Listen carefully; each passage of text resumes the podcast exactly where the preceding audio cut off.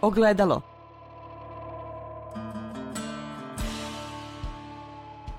Podcast Autonomije.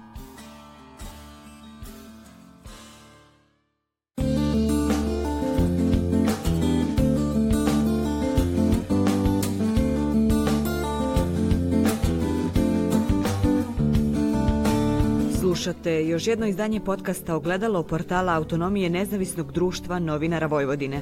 Ja sam Aleksandra Bučko, a sa Vanjom Macanović, pravnicom Autonomnog ženskog centra, razgovarat ću o nasilju nad ženama, ali i o tome kako društvo reaguje na žrtve, gde su temelji problema i koliko su institucije u Srbiji efikasne.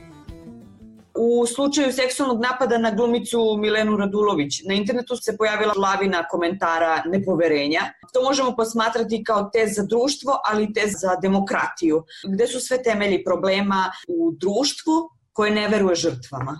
To je jedan proces koji traje i to nije nešto što se dešava samo u Srbiji, to je prosto nešto što se dešava svuda u svetu, mislim zato postoje i organizacije koje se ono, bave time da pomognu žrtvama kako da prođu što lakše kroz ovaj, postupke kad prijavljuju nasilje. Takođe, on, države usvajaju svuda u svetu određene zakone da bi poboljšale položaj žrtava, baš zato zbog svih tih ove stvari. Mislim, mi smo sad u procesu pristupanja Evropske unije, mislim, na Srbiju, donete ono, pre šest meseci i strategije vezano za napređenje položaja žrtava. Znači, sve to, kako kažem, praksa, e, ljudi koji se bave naukom vide šta se sve dešava žrtvama u sudskim postupcima, i onda rade se te ove stvari, pomaci da bi se položaj žrtava unapredio.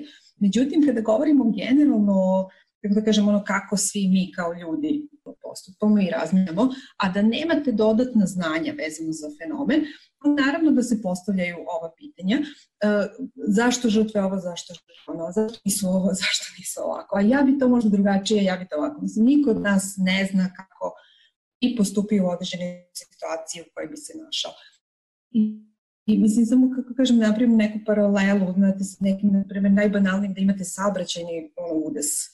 Znate, vi nekada, ono, ljudi u prvom momentu takođe se ne sećaju prvo ni šta se desilo, ni kako se desilo, ni kako uopšte došlo do toga, pod stresom su, ne mogu da čuju ono informacije koje im dolaze sa strane.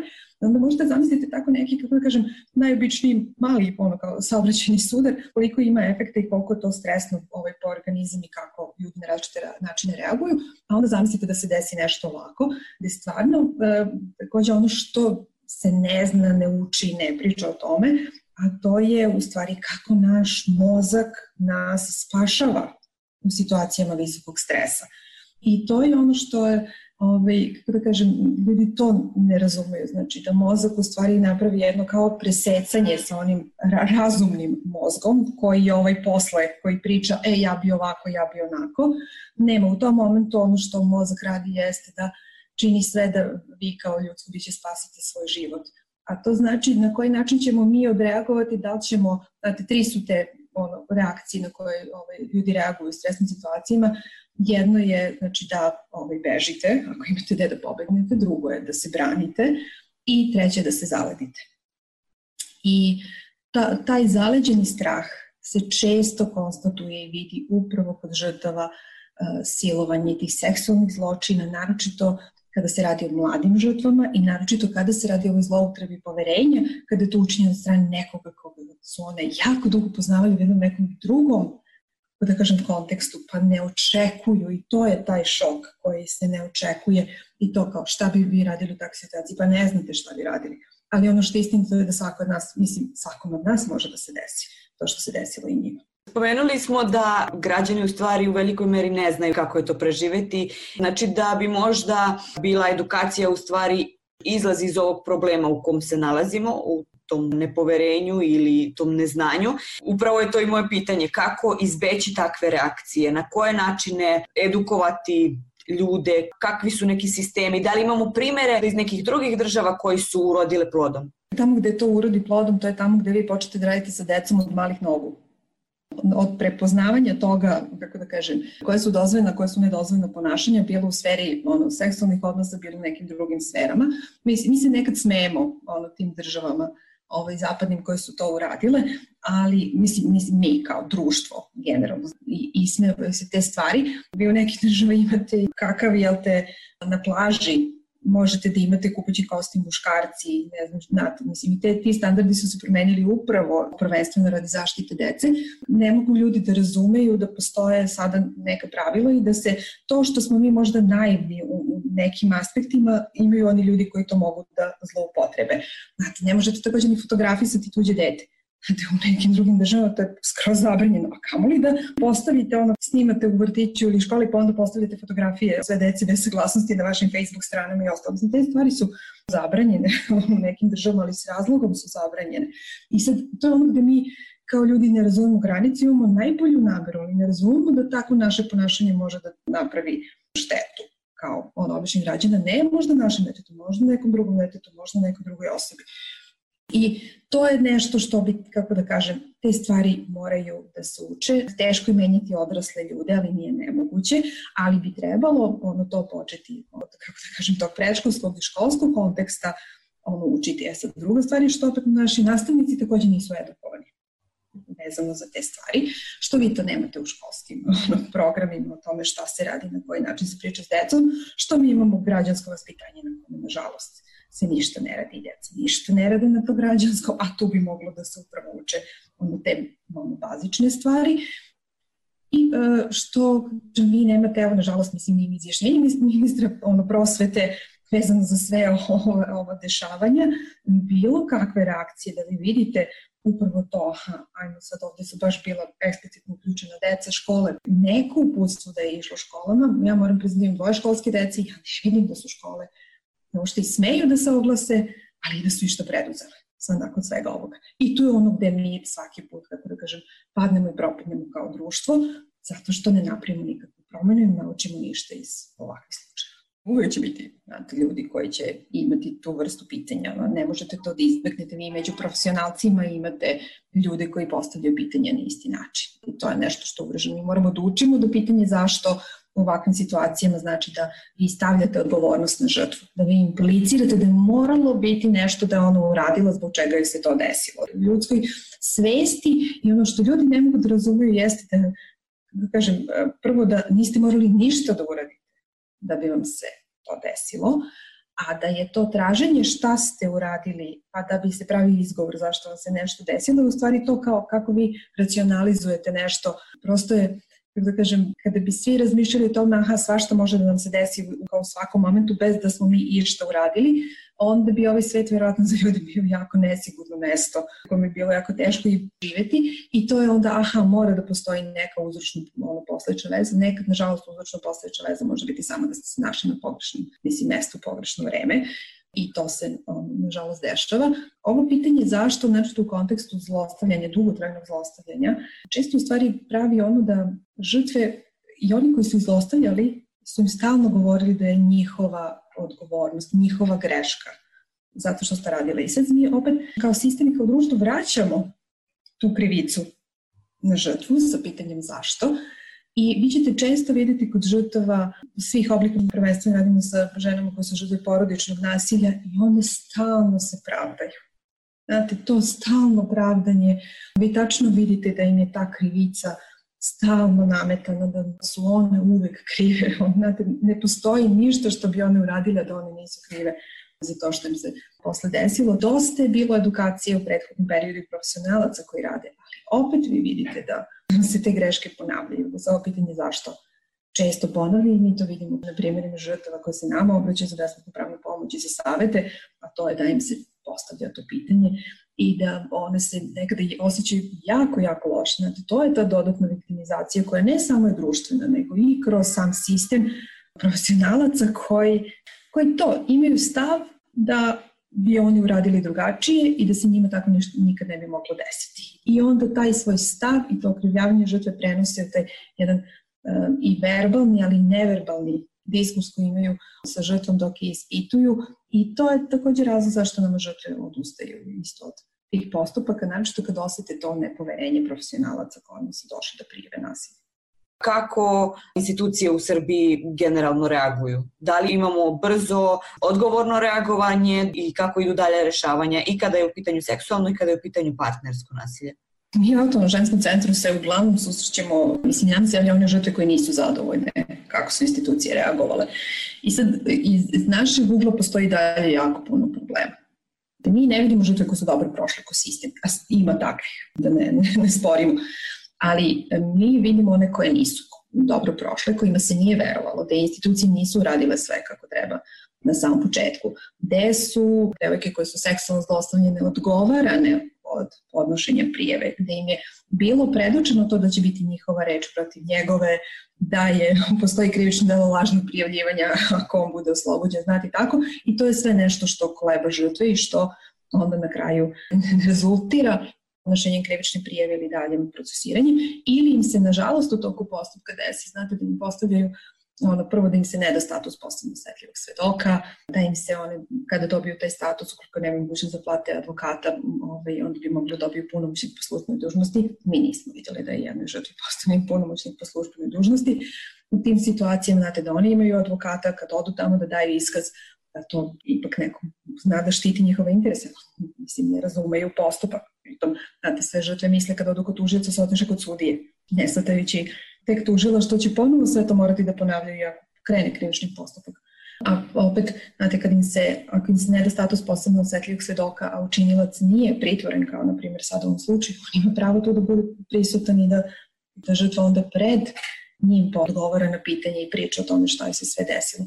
I to su, znate, to, mislim, ja to stvarno zovem institucionalno zlostavljanje to kako krivično pravni sistem nekako fokusiran na to procesiranje, a potpuno zaboravlja na, na prava žrtave i žrtvu tretira kao objekat, a ne kao subjekat.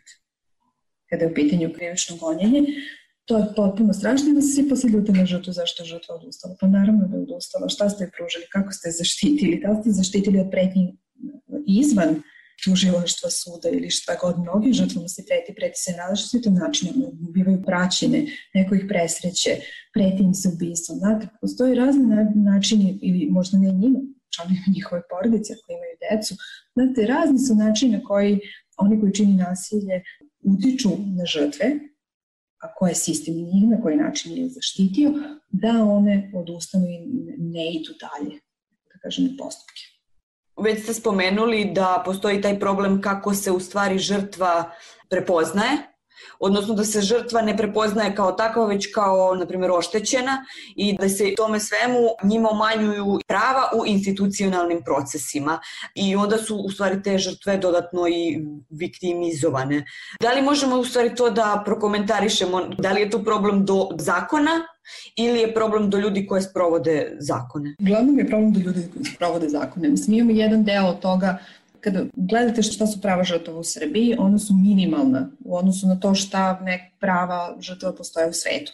Ali to minimalno prava koje žrtve imaju u Srbiji, znači se ne poštuju. I mislim, mi svakoj ženi koja se nama obrati, koja u nekom krivičnom postupku, mi pišemo i tražimo upravo to, znate, ono kao žrtva seksualnog nasilja, kao žrtva nasilja porisi da se dodali taj status posebno svetljivog svedoka. To državu ništa ne košta. A žrtvi daje mogućnost da ona ne svedoči pred onim koji je to zlo naneo. Posebno je ovo da im kad dobije taj status, da onda možda može da se dodali punomoćnik po službenoj dužnosti, koju državu košta, ali gledajte, mislim, svaki učinilac koji nema plati advokata, njemu se dodeluje branilac po službenoj dužnosti. Vi ste automatski kao žrtva u jednoj nefer poziciji, jednoj lošoj poziciji u kojoj nema niko da štiti vaše prava. A tužilac bi trebao da bude tu koji bi trebao štiti pravo žrtva. Na kraju to nekada bude potpuno ono suprotno dozvoljavanjem da branioci postavljaju najrazličitija moguća pitanja kojima se vređa ono dostojanstvo koji, kojim se vrši ozbiljno utici na žrtve da one odustanu. A neka to budu i sami tužioci koji postavljaju isto takva pitanja koje su no, ta osuđujuća pitanja sa zašto, znate, i kako da se objasni do detalja pred onim koji vam je to zlo naneo. Tako da se stvarno nekada pitate šta je problem zašto naši profesionalci ne koriste ono što imaju u zakonu. Pa valjda je cilj svakom tužiocu da žrtvu zaštiti, da bi žrtva izdržala kroz taj postupak i da bi se to na kraju rezultiralo osuđujućom presudom. I onda se pitate, čekajte kao nešto ovde neštima. Zašto je to tako? Nekada bude zato što, kako kaže, nismo svi ljudi.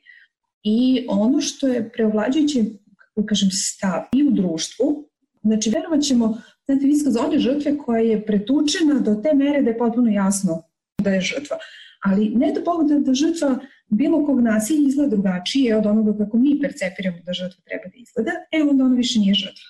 I to je sad ima, postoje potpuno ti lični stavi, da će žrtva, kako kažem, da se dopadne. Ali ne u smislu atraktivno, nego to, kao da će da ostavi utisak na profesionalca da ona jeste stvarno žrtva nasilja. Mi smo svi različiti. Tu često dolazi do tog nepoverenja i pritom imate žrtve koje takođe imaju, da kažem, Znate, one nekad znaju da budu agresivne, nekad znaju da budu besne, besne su zbog toga što im se sve desi, to je sve prirodna ljudska reakcija i to ono, profesionalci koji rade ne razumeju. Razumete da je sve to pripada tome što ste preživjeli i zavisi koliko ste dugo preživjeli, na koji način ste preživjeli.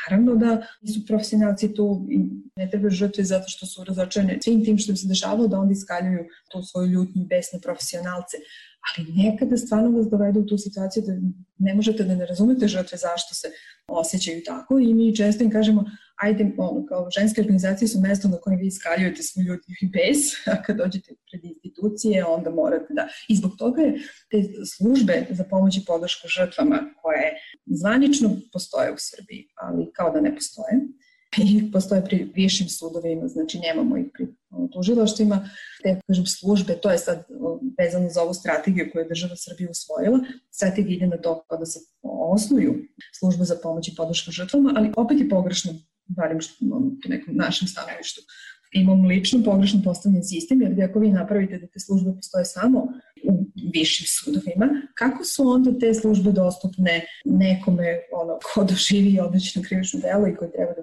svedoči pred osnovnim tužilaštvom, osnovnim sudovima.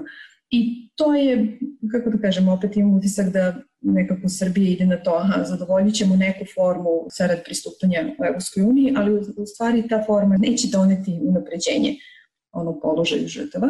Ženske organizacije i druge organizacije civilnog društva pružaju pomoć i podršku žrtvama i zvanično u toj strategiji koju je usvojila su organizacije civilnog društva prepoznate kao pružavci, ali kao oni pružavci koje država neće financirati ni na koji način. Razumete, kao što ne financiraju nikada pitanje pružanja besplatne pravne pomoći. Tako da mi ono, kao civilno društvo, organizacije civilnog društva, mi ćemo se uvijek boriti da pružati tu vrstu pomoći i podrške, ali je stvar u tome kad bi žrtve znale više, da mi postojimo i da pre prijave prvo konsultuju šta znači za njih postupak, šta će u tom postupku se tražiti od njih, sa čime će se sve suočavati, da one mogu da donesu informisanu odluku o tome, da ako idu u prijavljivanje, da su onda spremne sa tim šta ih čeka, ili ako odluče da sačekaju ili da ne prijavljuju, da znaju zašto su to odlučili. Nikome ne možete da kažete šta će tačno biti ishod određenog postupka, ali ove stvari, to, sa čim će se učavati, koliko puta će svedočiti, pred kim i na koji način, kako će im se pitanje postavljati, to je nešto sa čim žrtve moraju da budu pripremljene napred. Da kad tamo dođu da znate ih to ne šokira, da to ne bude nešto zbog čega će onda one posle odustati i naravno da žrtve imaju svo vreme, kažem i tu psihološku, terapijsku podršku kada su u postupku, jer to uopšte nije lako izgurati. Ono što takođe država Srbija nema, na primjer, to je nešto što se zove osoba od poverenja, person of trust. To postoji u svetu. To je osoba koja to sa žrtvama ide uh, i samo sedi dok žrtva daje iskaz u policiji ili tužilaštvu. Dakle, ona je tu da čuva žrtvi straha. Da bude ta jedna osoba za koju ona zna da je na njene strani. Da je tu zbog nje. Znači, ta osoba ništa u tom postupku ne govori, samo sedi tu i tu je kao podrška žrtvi. I to žrtva mnogo znači, a to je ono što, na primjer, evo, u Srbiji nema i pitanje da ćemo ikad ovaj, dočekati taj dan da to bude, na primjer, u Crne Gori su to odavno usvojili. Ogledalo. Kada gledamo zakonske okvire u Srbiji, koliko su žrtve zaštićene zakonima? Postoje mere da se žrtve zaštite. Znate, postoje mere koje su alternativa pritvoru, a to je da se izrekne mera koja se zabranjuje da onaj koji je osumnjičen prilazi da kontaktira, da dolazi na mesta na tomu gde žrtva živi ili ide na posao. Znači prosto imaju te vrste zabrana, ali se i te mere redko izriču, mi nažalost to vidimo. ali i kada se izreknu, sistem praćenja tih mera je jako loš. Znači, nemate dobar sistem praćenja, iako nekada u tim merama toko krivičnog postupka se to izrekne, onda bi sud koji izriče to mogao da naloži policijskoj stanici ili da naloži ono kome izrečena mera da se javlja policijskoj stanici u određenom, ne znam, svakih nedelju dana i tako. To je, kako da kažem, nedovoljno, ali postoji.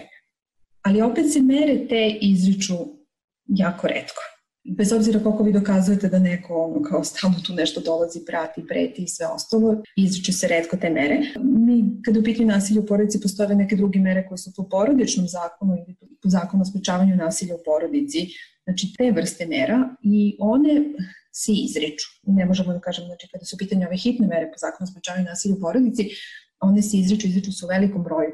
Ali ono što je problem, što mi vidimo, to je upravo to. Znači, nema sistematskog praćenja tih mera, u stvari, kako da kažem, nema proveravanja dovoljno dobrog kako se te mere poštuju i znate mi nekada saznamo i kad radimo sa institucijama, su institucije znale da je onaj kome su izrečene te mere, da te mere prekršio, ali prosto nisu dalje ono prijavljivale ili ako se i prijavi kršenje mera, nažalost, to kršenje mera je prekršena odgovornost, da se policija zove dežurne sudi za prekršaj, oni kažu samo upozori pa ne može samo da upozori. To je prekršeno delo, moralo bi da ide po hitnom postupku pred sudiju za prekršaj.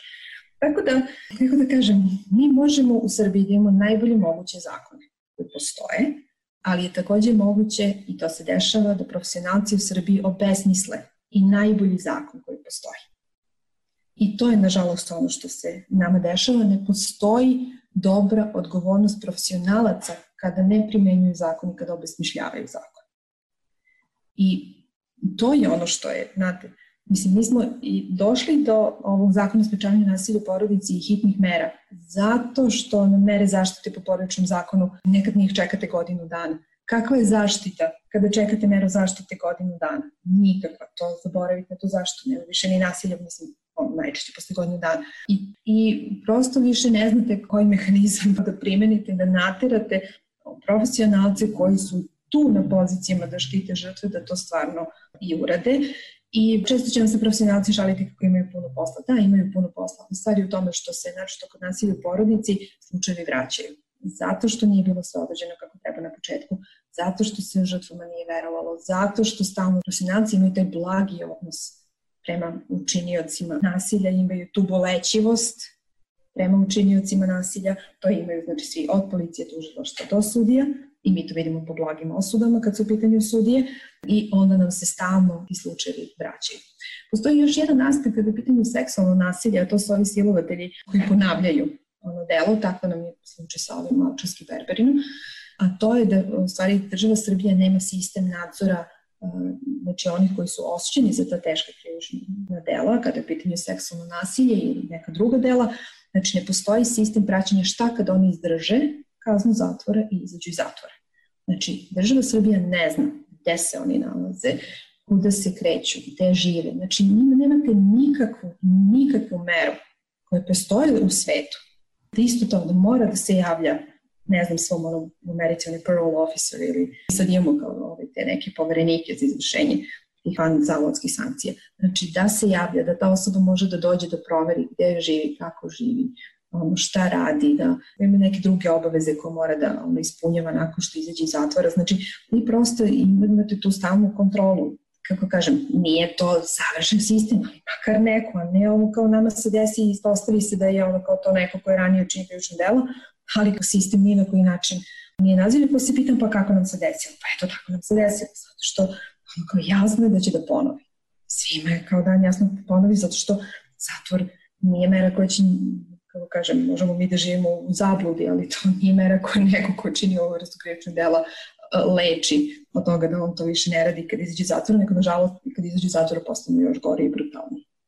A koliko su i kršenje i neprimenjivanje i te neke možda stvari koje nisu sasvim dovoljno usvojene ili dovoljno dobro osmišljene u zakonima u Srbiji, zapravo kršenje prava građanki u slučajevima nasilja? Jesu, Mislim, potpuno ste u pravu, to sve jeste kršenje generalno svih ono, naših prava, svih nas, ono, bez obzira ovaj, koste. I moram priznati, autonomni ženski centar poslednjih nekoliko godina unazad u određenim slučajima da je bilo ozbiljnih kršenja, znate, ozbiljnih propusta profesionalaca da ne postupaju ili da tako idu sa nekim ono, opomenama učenicima nasilja. Mi smo podnosili krivične prijave zbog zloupotrebe službenog položaja i mislim, nažalost nismo uspele. To je potpuno fascinantno kako sistem sam sebe štiti i kako i tužilaštvo prihvata to, aha, pa unutrašnja kontrola policije je rekla da je kao sve uređeno kako treba, pa onda tu nema krivičnog dela, što je potpuni nonsens. I jako teško stvarno ono, ovaj, boriti se sa tim, ali opet mislim da sama činjenica da profesionalci postaju polako svesni da mogu biti i oni sami predmet određenog krivičnog postupka ako ne rade po zakonu, da to više neće biti samo, kako da kažem, unutrašnja kontrola koja će pokrenuti, može biti i neko sa strane, zato što imate potpuno legitimitet zainteresovana strana podneste krivičnu prijavu, zato što vidite da ono, postoji. Mi to ne, naravno radimo uvek u saglasnosti sa ono, kao ženu žrtvom koja se nam obratila i čije prava su bilo povređene. Mislim da to ipak šalje poruku i očigledno se neće ništa, nažalost, promeniti dok neko ne bude stvarno ono, snosio tu vrstu odgovornosti. To koliko sistem može da štiti sam sebe je potpuno fascinantno, ni ne znate do koje mere to ide dok ne krenete ove postupke, ali mi prosto nećemo odustati i podržamo svaku žrtvu koja smatra da je na bilo koji način su njena prava povređena postupka da se žali protiv određenih profesionalaca. Nekada žrtve to odbijaju takođe sa ono staništa, pa ako se ja budem žalila na, na rad tog profesionalca koji mi treba bilo da je policiji centru ili tužilaštvu, onda taj profesionalac ono, neće sledeći put da mi pruži pomoć i podršku, što nažalost mislim, ima i toga. Ali sa druge strane, one žrtve koje su se ohrabrile da idu i tako, ipak su se neke stvari poboljšale. Možda, kako kažem, nisu ti krivični postupci završeni nekom slučaju presudom, ali da je žrtva nakon toga bilo zaštećenije, jer ipak vi pokrenete sa tom vrstom pritužbe i ovi krivične prijeve, ono, ceo taj ono, širi sistem da moraju da pišu izjašnjenja, da moraju da opisuju zašto su radili to na ono, takav način, ne znam, to onda ovaj, se zove ipak na određen način šalje drugačiju poruku. Bio nedavno još uh, jedan slučaj koji je bio u javnosti, a to je bilo policijski inspektor. Ako se sećate koji je zvao kolegu vezan za neki slučaj nasilja u porodici da moli da mu se ne izrekne hitna mera, taj slučaj je, pošto taj policijski inspektor bio ovaj, praćen iz nekih drugih razloga, sniman njegovi telefonski razgovori i onda je u stvari na taj način je što bilo pokrenulo znači, tu krivičnu prijevu zbog zloupotrebe službenog položaja. I sad, znači, sve je urađeno u tom delu kako treba, znači sistem je reagovao, videlo se da tu postoji ono zloupotreba, ali nažalost došlo je pred sud i i pred prvostepenim i pred drugostepenim sudom oba policijska službenika su bila oslobođena, a ono što je navedeno, kako kažem, taj razlog zašto je bilo oslobađajuća presuda, a to je da je normalno u našem društvu da kolega od kolege traži uslugu. To vam je toliko jedno sramno obrazloženje. To šalje sad dodatnu poruku svim ovim profesionalcima dole da je dozvoljeno raditi tako nešto. To što je tom uslugom naneta šteta žrtvi nasilja, koja nije dobila zaštitu, to uopšte nije razmatrano u postupku. Tako da eto, to vam je besmišljavanje. Na svakom nivou proći ćete možda jednu, dve, tri stepenice, doćete pred suda, onda će sud da vam besmisli. I eto, mi tako stalno, ono, kao u državi Srbiji imamo takve slučaje i žrtve zbog toga ne dobijaju, ono, kao nažalost, adekvatnu zaštitu. Ne sve, naravno, govorim vrlo o, o specifičnim slučajima, onima koje se obrate nama, ali nažalost, mislim, ima ih dosta. Bez obzira koliko god da ima dosta i oni koji su stvarili pravo zaštitu i da sve određeno kako treba, ima nažalost i dosta onih čije prava nisu zaštićene onako kako treba u skladu sa zakonom.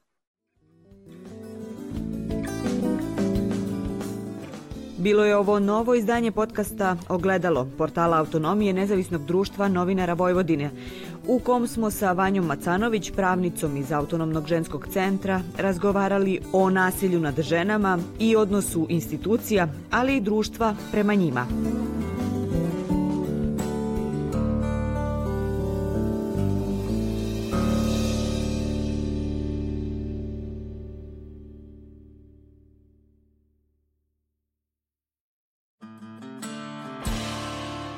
Ogledalo